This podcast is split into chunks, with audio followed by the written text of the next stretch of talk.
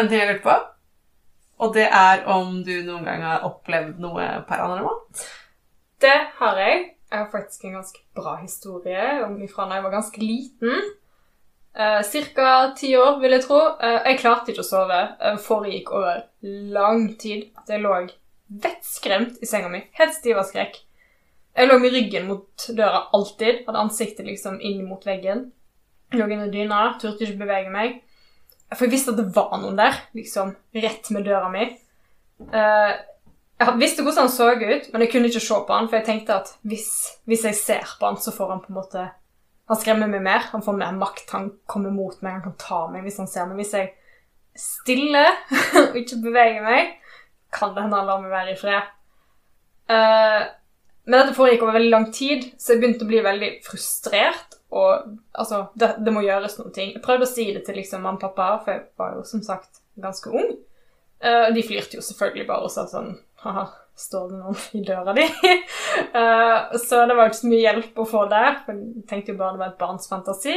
Uh, så jeg bestemte meg for at dette her må jeg, må, jeg må gjøre noe. Så en kveld så motta jeg meg opp, tenkte at jeg snur meg rundt, og så ser jeg på han. Det var en stor tabbe, for da begynte han å bevege seg mot meg. Uh, ikke mens jeg så på han nødvendigvis, men når han på en måte visste at jeg visste at han var der, så kunne jeg høre at han gikk over gulvet. Og vi bodde i et gammelt hus uh, med tømmergulv. Uh, I, I hvert fall i andre etasje så var liksom gulvet tømmergulv, så man kunne høre akkurat hvor på gulvet vedkommende var, da. Med måten det knirket på. Det var liksom kjente knirkelyder der og der. Så jeg visste hvor han var, jeg visste at han kom mot meg. Jeg kunne høre liksom steg for steg at han kom mot meg. Uh, og han sto med sengebredden min, og liksom Jeg kunne se skyggen på veggen, for jeg lå alltid med ryggen mot døra og ansiktet mot veggen, og det var lyst ute på grunn av Ja, altså Lys. sånn, så jeg kunne se skyggen liksom opp mot veggen sammen med liksom greiner og greier. Det var veldig skummelt. Jeg kunne se at han lente seg over senga, at han holdt armene over kroppen min. Han gjorde ingenting. Han bare holdt de over og sto der og liksom klar for å ta meg hvis jeg bevegde meg igjen, eller så på han igjen. Uh, og så var det en gang jeg, jeg, jeg tror jeg må ha feiga ut. Jeg fikk panikk, jeg ble redd. Jeg kasta meg under dyna, for jeg klarte, jeg turte ikke lenger å liksom være så nærme han. Og da tok han tak i halsen min og i magen min og trykte meg den i madrassen så sinnssykt hardt. Jeg fikk ikke puste, jeg kunne ikke bevege meg. Uh, jeg, klarte ingenting. Og jeg husker jeg prøvde å skrike og fant ut at jeg er faktisk helt lam. Jeg kan ikke bevege meg, jeg kan ikke blinke, jeg kan ikke flytte, jeg kan ikke lage lyd engang. Jeg jeg kan ikke gjøre noen ting, selv om jeg ville. Uh, jeg var ikke stiv av skrekk nødvendigvis. Jeg bare fikk det ikke til. Fysisk fikk det ikke til, selv om alt inni meg hadde lyst å gjøre motstand. Klarte ingenting. Jeg var helt lydløs, helt stille. Og sånn lå jeg til jeg våkna på morgenen. Jeg må, kanskje jeg sovna, kanskje jeg svimte av. Jeg vet ikke. Jeg våkna bare og var vekk på morgenen når det var lyst ute. Uh, det skjedde gang på gang, nesten hver natt. Jeg begynte å bli mer og mer engstelig. Eh, fikk ikke sove, lå og grua meg, lå våken, kaldsvetta, stiv av skrekk. Uh, dette skjedde gang på gang på gang. på gang. Det, det var, jeg var så redd hele tida.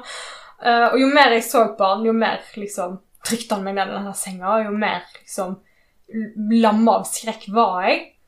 Uh, og jeg fikk ikke vite hva det her var for noe. Jeg trodde helt seriøst det var en mann uh, i rommet mitt som kom og liksom var ute etter meg. Fram til jeg fikk lære noen ting som heter søvnparalyse. som er veldig virkelig for de som opplever det. Uh, jeg skjønte ikke det som barn. Jeg var jo helt sikker på at det her var enten et spøkelse som var veldig voldelig, eller en levende mann som var på soverommet mitt uh, og var ute etter Altså jeg vet ikke, drepe meg. Han, prøvde å få meg til å slutte å puste. Uh, og det foregikk til jeg våkna. Uh, det slutta aldri mens jeg så på han, eller mens jeg lå der. Men, men, hvordan fant du ut av det? det var på en lærer på barneskolen eller ungdomsskolen, jeg husker ikke, men en av de som bare Vi hadde en sånn Drev og prata om litt sånn kule, skumle ting, fordi jeg liker kule, skumle ting. Og så fortalte hun søvnparalyse, så var jeg litt sånn Å, shit, det hørtes veldig kjent ut. Tror kanskje jeg har opplevd det. Eh, og nå når jeg har satt meg inn i det, så er det jo Ja, det er akkurat det jeg har. Og jeg har det fortsatt én til to ganger i måneden. Så forekommer det at det er noen på soverommet mitt, og han vandrer bort til senga mi, tar tak i meg og klemmer meg helt flat. Jeg får ikke puste, jeg vet skremt. Jeg er helt, og det, altså, jeg er fortsatt like redd. Hvordan, hvordan reagerer du Eh, nå da? så har jeg faktisk Jeg leste, det kan hende det var på et forum, eller jeg har hørt det fra folk, men prøv å bevege hva som helst. Hva som helst du får til. Hvis du klarer å lage en lyd, eh, perfekt. For meg, jeg klarer å bevege lillefingeren min en millimeter. Og da våkner jeg. Eh, Da klar, for det, det er liksom min måte å fokusere, liksom, å klare å komme ut av det. Eller så har jeg også trent hunden min til å vekke meg. når, når jeg begynner å Jeg vet ikke, han merker det. Jeg vet, ikke hva jeg gjør. Kanskje jeg puster rart, det høres ut som jeg har problemer. Det høres ut som jeg har ubehag, eller Mm. eh, kanskje han bare lukter at jeg begynner å få panikk, eller noe. Så han, ja, så han kommer og vekker meg. Han vekker meg, altså han lager lyd, eller han hopper opp i senga, han vasker meg i ansiktet. Han, han, han skal ha meg våken opp, sittende i senga før han er ferdig med oppdraget. så jeg kommer ut av det. Men eh, det er altså vedvarende skrekk av at eh, altså, Det er ikke noen ting man bare vet, og så er det ferdig, altså. Man, Men det må jo være veldig skremmende. det er veldig skremmende, og det som er så skummelt, er at det er jo mentalt, så det er tilpasningsdyktig. Så nå i den siste tiden så har det faktisk blitt til at den er ikke ute etter meg. Den kommer og knivstikker hunden min Nei! Uh, når jeg får de her søvnparalysene. Når jeg ligger helt stiv, kan ikke bevege meg, kan ikke gjøre noen ting, ser at det er noen i rommet, og han går rett direkte til hunden min og begynner å altså, drepe hunden min på forskjellige måter, stort sett med kniv. Knivstikker hunden min. Mens jeg bare ligger der og kan ikke gjøre noen ting. Så det er det skumleste med det, faktisk. At, altså, det, det i hodet ditt, det er mentalt. Så det jobber for å lage farligere og farlige situasjoner. Jo mer du lærer å liksom fordøye det, eller håndtere det, og liksom ja, lage en logikk på at det er ikke ekte, jo mer forteller hjernen din at jo, det her er farlig. Det, det er ingen Du kan ikke fikse det her. Det er hunden din som skal vekke deg. Nei, han er død. Eh, Så det er ganske skummelt. Jeg syns det er ganske skummelt. Det, altså, jeg vet hva det er. Jeg, ofte når jeg har søvnparalyse nå, og jeg våkner midt på natta og jeg kan ikke bevege meg, så vet jeg at det er søvnparalyse. Men det er så ekte likevel. Du får en slags spesiell redsel og angst i brystet og i hjertet. Og i, altså, kjenner pulsen min langt opp i ørene av terror. Jeg er så redd. Det er virkelig, virkelig skrekk. Uh, og du, du kommer ikke unna. Du må våkne på en eller annen måte. Du må bare klare å våkne. Mm. Men det er veldig, veldig demotiverende. Ja, det, det, den ser jeg faktisk. Jeg har jo aldri hatt eh, søvnparalyse selv. Så ja, nei, det var min inngang til Jeg trodde jo i årevis før denne læreren min fortalte meg at søvnparalyse er noe mentalt, da. Jeg var jo sikker på det var spøkelser, så i årevis så var jeg kjempeinteressert i å finne ut mer om spøkelser, for jeg trodde de var ekte. Jeg var jo helt sikker på at jeg hadde opplevd noe overnaturlig. Eh, når jeg var 10-12-13. det gikk over, Uh, men, men ja, det var min eh, trigger til å bli interessert i skumle ting. Ting som skremte meg, og ting som kanskje ikke er så lett å forklare alltid. Mm, mm. Jeg har jo opplevd veldig, veldig lite. Jeg har jo én opplevelse som jeg kan eh, vurdere som uforklarlig, i hvert fall.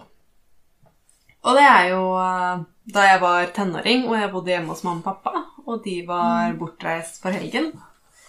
Og jeg var nede i kjelleren. eh, Kjellerstuen sådan. Jeg satt ikke nede i kjelleren i mørket og Nei, den som var sånn Koste meg. vanlig koselig Eh, med peis var, en ganske og- normal tenåring, ja. Eh, og så hørte jeg fotsteg i etasjen over. Eh, og jeg tenkte det var jo rart, fordi mamma og pappa var bortreist for helgen. Det skulle jo ikke, skulle ikke komme noen hjem. Så jeg tenkte jo at ja, ok, da har vel de kommet hjem tidlig, da. Og så gikk jeg opp for å si hei. Og så kom jeg opp, og så var det jo ingen der. Og jeg tenkte ok, da har jeg jo sikkert innbilt meg det, og så gikk jeg ned igjen. Men det tok jo ikke så veldig lang tid før jeg hørte de fotstegene igjen, og det var ganske tydelige fotsteg. Det var, eh, så, Det er ikke sånn du misforstår som eh, noe banking som kommer av eh, forskjellige temperaturer eller noe sånt. Det var ganske er tydelig, tydelig mannlige fotsteg. Så jeg går opp igjen, og jeg roper 'hallo'. Er det noen her? Det er ingen der. Jeg går ned igjen, og de kommer igjen. Og jeg tenker meg om, og jeg tenker at Vet du hva, det er jo faktisk en, eh, et rekkehus vi bor i. Så det må jo være naboens fotsteg jeg hører. Det må være noen som er inne hos naboen. Mm. Og det slår jeg meg til ro med. Det er en uh, logisk forklaring. Helt fram til det går noen uker, og jeg hører at uh, mamma og pappa har en samtale om naboen som eh, har flyttet på sykehjem for noen måneder siden. Så Panikk. og det har, det, det har jo ikke vært noen der siden. Uh, og i forbindelse med at vi skulle begynne denne podkasten, så snakket jeg jo med mamma og pappa om dette her. Og da tenkte de seg jo om en stund. Og så sa de at Men mannen til den gamle damen vi kjøpte huset av, han døde jo i det huset. Det er det beste de kunne ha sagt. Det dette, dette er jo gull. Altså, det er ikke bare at han døde, selvfølgelig. Nei, eh, men- men, for en, eh, for en podkast som for, en eh, skum, for en situasjon du opplever som skummel, å få høre at noen har dødd der. Ja, og hvis du er interessert i det paranormale som vi er, og har en podkast som heter Hjemsøkt, så er jo det kanskje det beste du kan få høre. On that cue. Vi er Toril og Tonje. Mm. Og vi er to venninner som har eh, lenge tenkt på å spille en podkast. Og nå er vi i gang. Mm, endelig. Endelig. Det har eh, vært en vei å gå. Kan si vi er over gjennomsnittet interessert i eh, skumle ting. Kan vi kanskje bare kategorisere Ja, det sånn? kan vi si. Vi kommer til å snakke om uh, veldig mye forskjellig. Det kommer til å handle om uh, spøkelser og by extension hjemsøkte steder. Vi Mm. kommer også til å snakke en del om true crime. Ja, og creepypasta. Ja, absolutt. Creepypasta. Og drømmen er jo selvfølgelig at vi får nok lyttere til at vi kan ha lytterhistorier, for det hadde jo vært Det hadde kjempespennende. vært veldig Det er jeg veldig interessert i. Jeg syns alltid det er veldig kult å høre Mm. fra hva folk har opplevd. Absolutt. Uh, og on that note så har vi en eh, mail som vi gjerne vil at dere sender deg til. Det er hjemsoktpodkast at gmail.com. Det er da med en O i stedet for en Ø, for praktiske årsaker. Ja. I tillegg har vi en eh, Instagram-konto. Absolutt bare å sende oss eh, meldinger der også. Det er hjemsoktpodkast. Og der kommer vi også til å legge ut bilder av det vi snakker om i podkasten.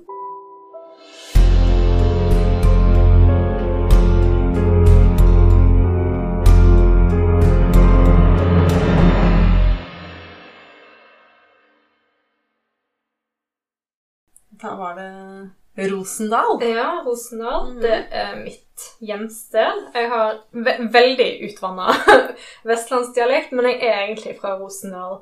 Uh, I Kvinnherad. I, uh, det heter vel Vestland nå, og ikke Hordaland lenger, men det er altså i Hardangerfjorda. Der har Norge faktisk sitt minste baroni. Uh, Det er et lite slott med en veldig, veldig, veldig pen hage, kjent for rosene sine, f.eks. Men Eh, Det er jo et slott, så vi har jo vokst opp med å fortelle hverandre skrekkhistorier, selvfølgelig. Det er jo sånn man gjør.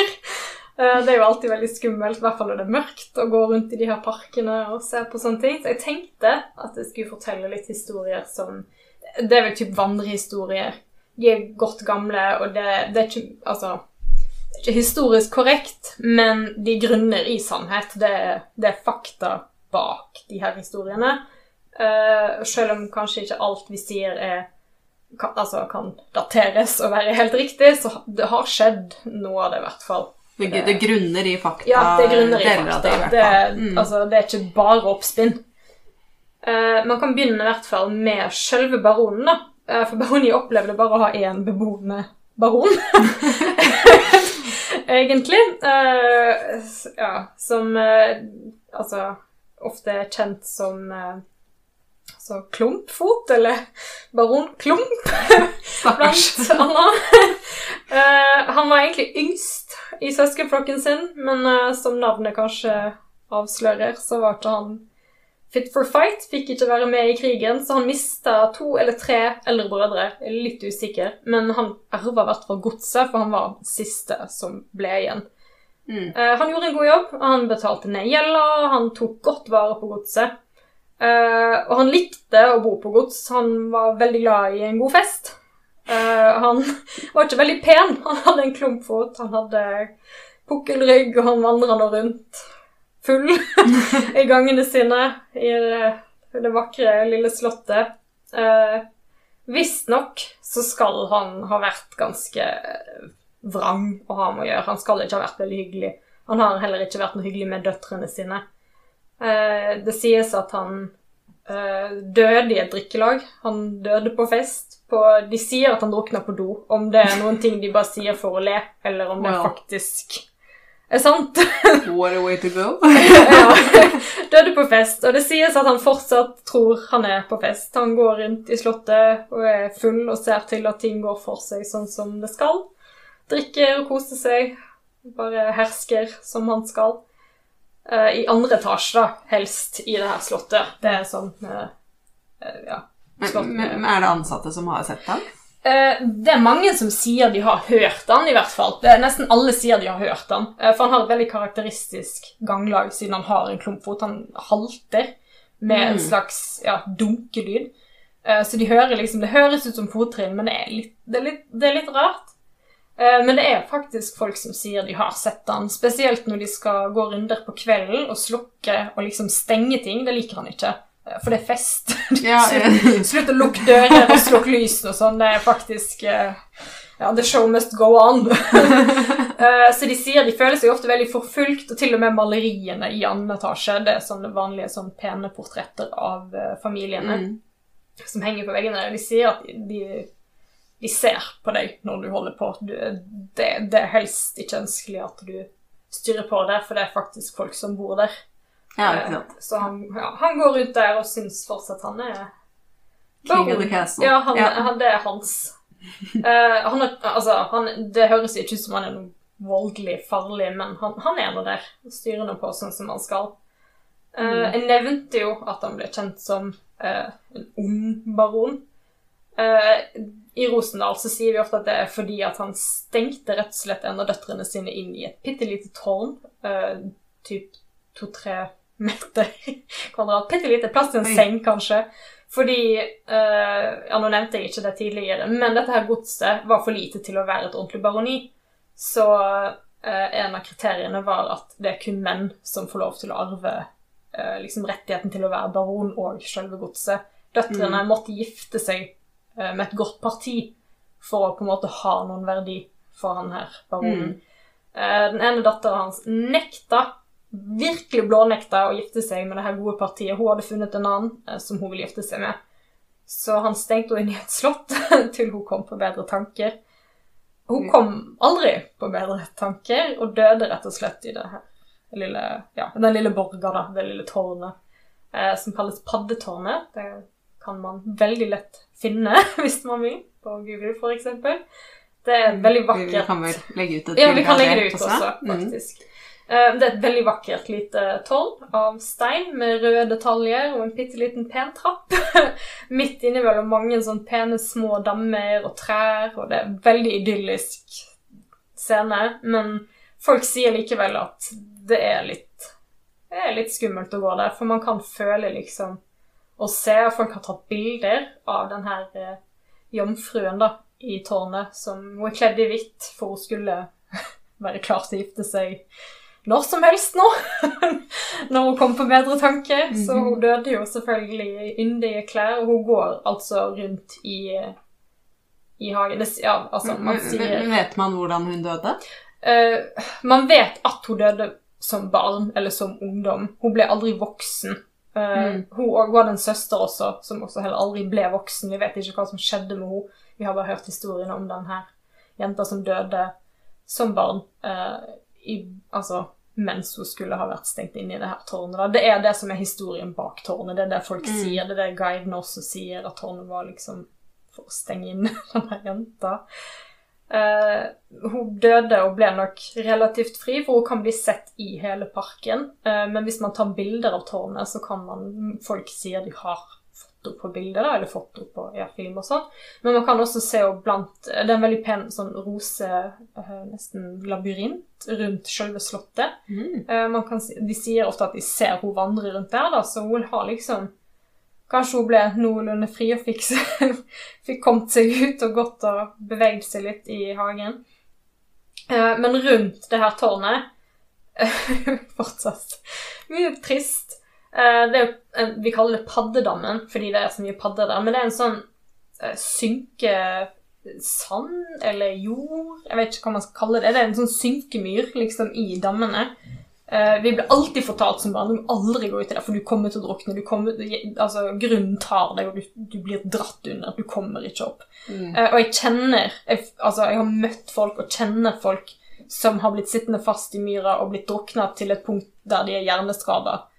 Fordi folk fikk ikke opp fort nok. Fordi du sitter fast. Det er farlig. Mm. Eh, Det grunner nok veldig i hvorfor folk har vært, eller fortalt så, sånne historier om denne myra. Du må ikke gå ut, det er farlig. Eh, Et det, er- sånn uh, ja, svarttjern. ja, det er veldig sånn altså, Sånn som foreldre forteller barna sine, fordi det er faktisk dødelig farlig å Mm. leke rundt den myra. Og vi leker jo rundt den, for det er jo padder der. Vi løper jo rundt med matboksene våre og prøver å fange de her fine paddene. fange de fine rumpetrollene og sånn. Så det er veldig sånn Ja, det- Ja, det kanskje grunner litt i at man prøver å fortelle liksom skrekkelige historier om denne dammen. Men man kan, eh, og det kan jeg faktisk si, si sjøl Når jeg har gått hjem fra skolen eller hjem fra venner og gått gjennom denne hagen, for det var en snarvei hjem til meg, var å gå gjennom selve baronihagen, så kunne jeg høre barn som lekte, løp i grusen og lo, men det var ingen der. Jeg har veldig livlig fantasi, eh, men ikke så livlig, tror jeg.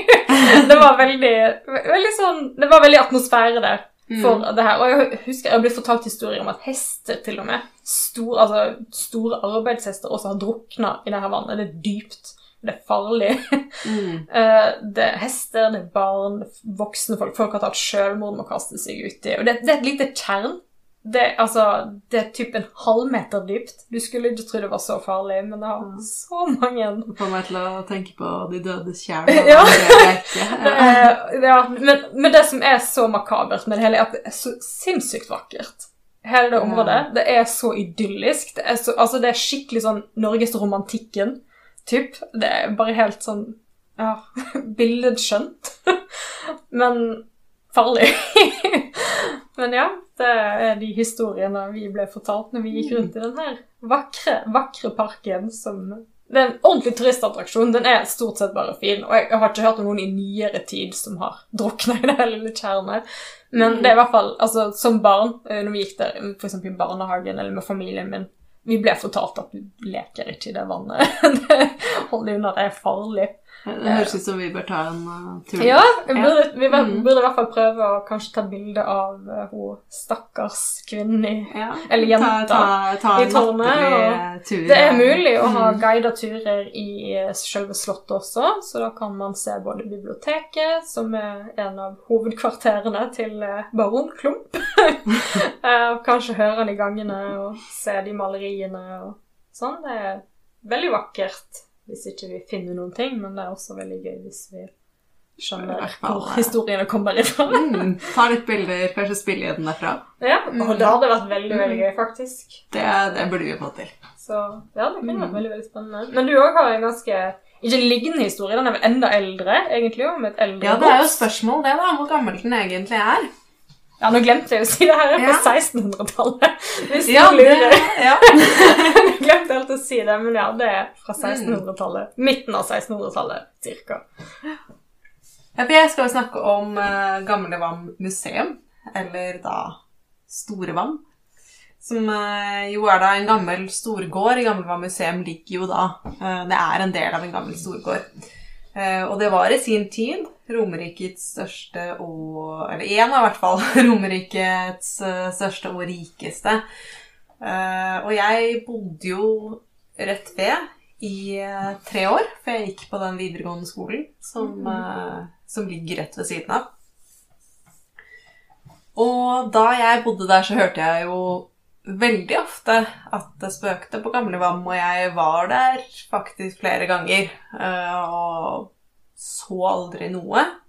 Jeg eh, kan jo si sånn at jeg driver med hest, og det var jo litt spennende å ta nattlige rideturer opp Mm. dit og se om man så noe. Det gjorde jeg jo da ikke. Og ikke hesten heller. Nei, men nå skal det jo sies at hun, eh, den hesten jeg har, er en av de tøffere.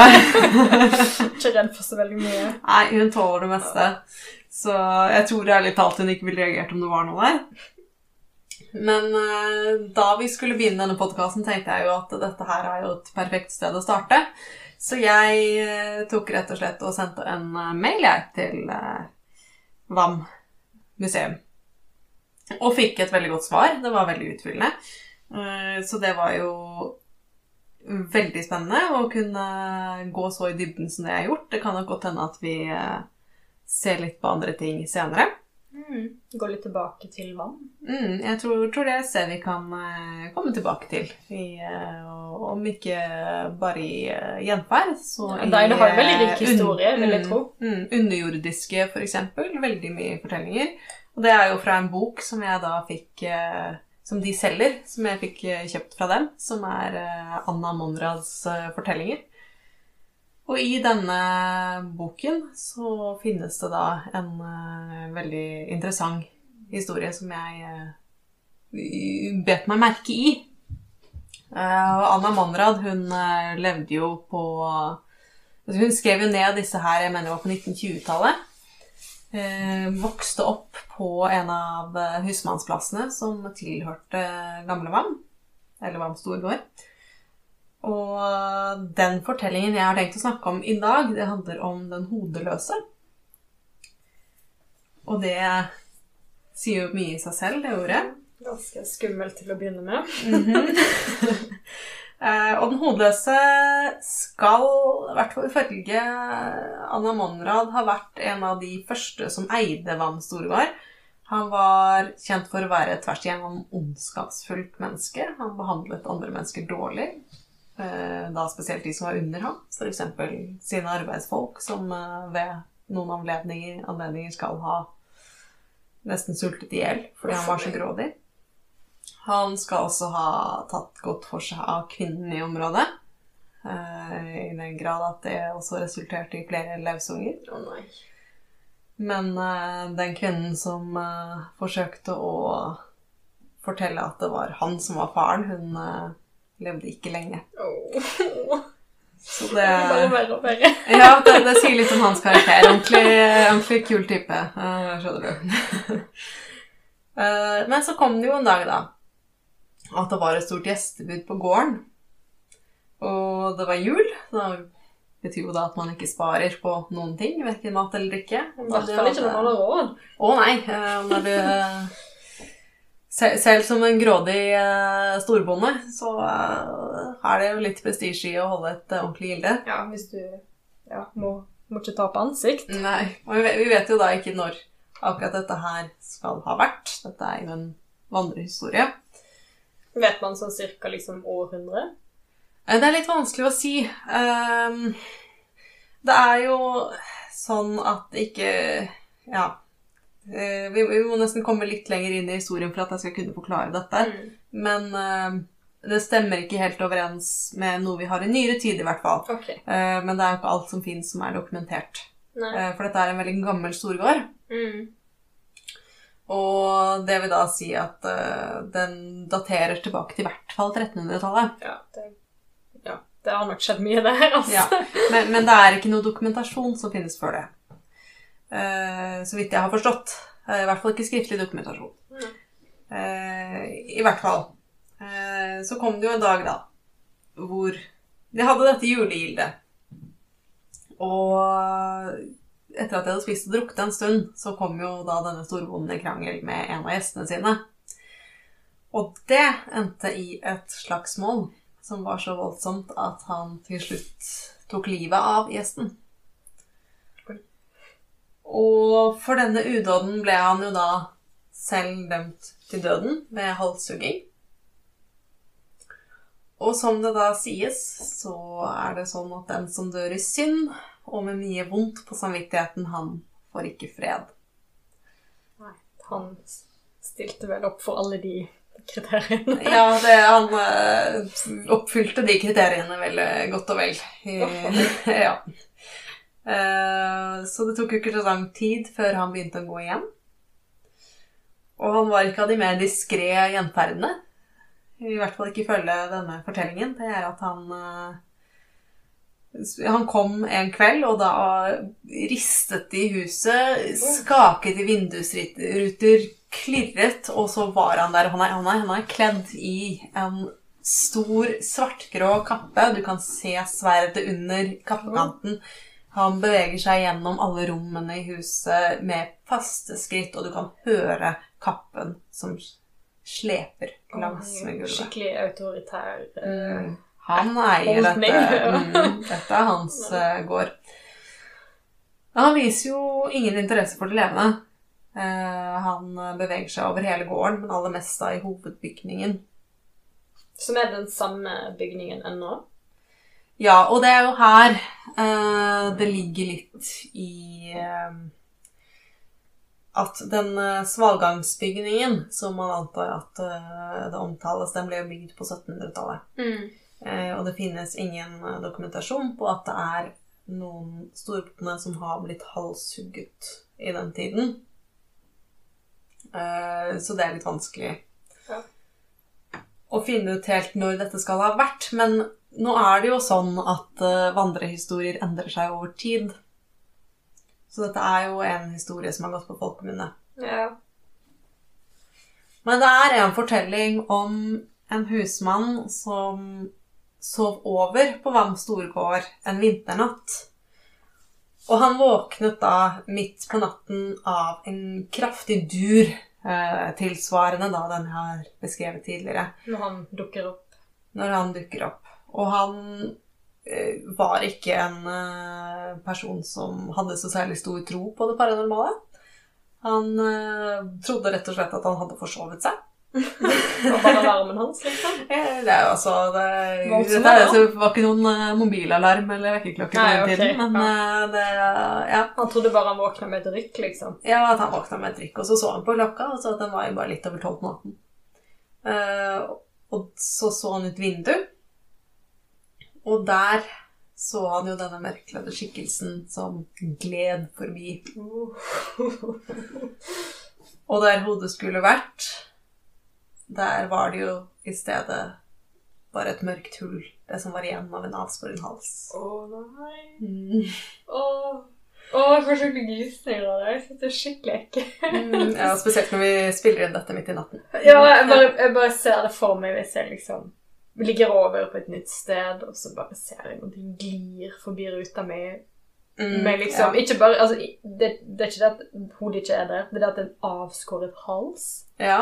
Ja, det er eh, litt mer eh, grafisk enn eh, man helst vil oppleve.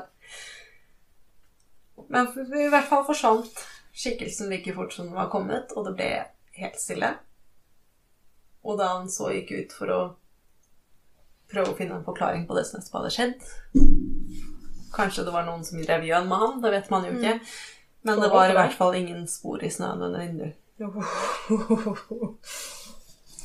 Og da kommer vi jo tilbake til det vi allerede har vært inne på, og det er jo det hvem var han? Ja. Og det finnes jo da som sagt ingen dokumentasjon som skulle tilsi at det har noen gang har vært noen storbonde som har blitt henrettet på Vam. I så fall må det ha funnet sted uh, før 1300, og som sagt så ble denne hovedbygningen bygget først på 1700-tallet. Uh, det er derimot en annen person som skal gå igjen på Vam. Og det er da hollenderen. Eh, og hollenderen skal være en eh, veldig grådig storbonde som har eh, Han skal ha ja, hatt litt problemer med psyken i senere år. Vært litt, rett og slett blitt litt gal. Og tatt med seg han, han skal tilbringe tiden i kjelleren eh, og har tatt med seg eh, alle skattene sine, passer godt på dem. Og tatt dem med seg opp og spredd dem ut på gresset på et eh, teppe. Mm.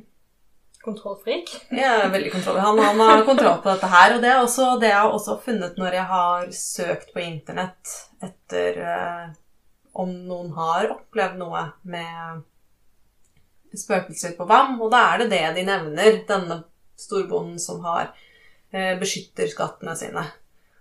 Eh, det så, det så det er jo den jeg har mer eh, hørt mest om utenom det jeg har fått tilbakemelding om fra museet. Og da er det jo det hvem er hollenderen? Ja, for altså, han må jo ha hatt noen ting med Nederland, og, eller eh, ja, de landene å gjøre, skulle man tro. Ja.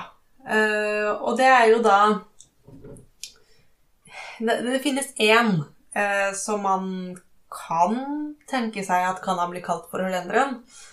Og det er en som er, het Mikkel Funtin, uh, som var inngiftet i gården på slutten av 1500-tallet. For han reiste mellom Norge og Holland med trelast, og det kan jo ha gitt ham ja, et Ja, det som, Kunne jeg se, eh, hvis, altså, ja. hvis man lever i et samfunn der ikke mange reiser utenlands, og det er en som reiser samme reise flere ganger, så kan man jo begynne å kalle han for Ja, eh, det, Altså- det, det er jo altså det, er- det Det en logisk bakgrunn for å gi ham et kallenavn. Uh, så, så det er absolutt mulig.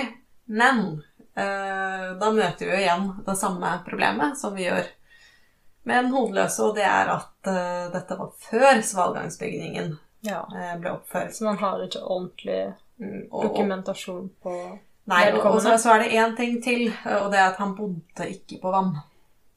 Oh.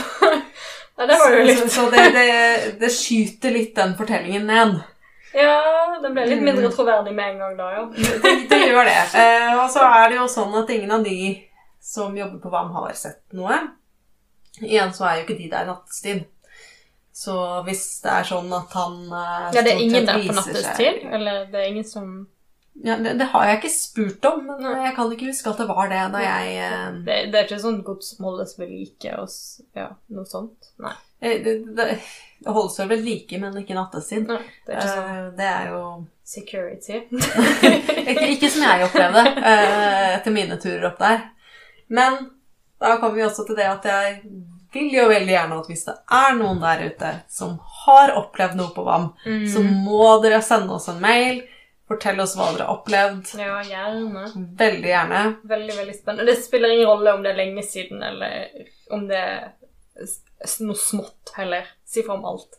Mm, absolutt. Vi, vi vil høre alt. Og det trenger ikke å gjelde noe av det vi snakker om i dag heller. Altså For all del, har du opplevd noe på Rosendal eller på VAM, så er det kjempespennende. Ja, veldig gjerne hvis du har vært i baroniet. Herregud, si Mm. fra om du opplevde noen ting, eller om du ikke visste om disse historiene. Det kan jo også være litt interessant. Ja, ja absolutt. Det, det er kjempespennende. Så, så ta og send oss en mail. Vi tar det opp i poden. Vi svarer så godt vi kan. Vi setter jo bare kjempepris på det. Uh, igjen, vår uh, mailadresse er uh, hjemsoktpodkast at gmail.com. Uh, Instagram-adressen er hjemsoktpodkast. Send oss en melding. Vi svarer. Og det trenger ikke å bare være om du har noe input på det vi har snakket om i dag. Det er også Har du en historie som du selv har opplevd? Uavhengig av det vi har snakket om. Har du lyst til å si hei, for all del? Ja, Ta eller kontakt. hvis du har noen ting du har lyst til å høre mer om, eller lære Ja. mer om. Hvis du vet om noen ting, en bra historie eller et eller annet veldig spennende som du gjerne ville tips. hørt mer om, så Mm. gjerne, ja, gi tips. Si fra. Det vil vi veldig gjerne ha. Takk for at du hørte på. Jo, tusen takk. Jeg håper at du har lyst til å følge med mer. Takk for oss. Takk for oss.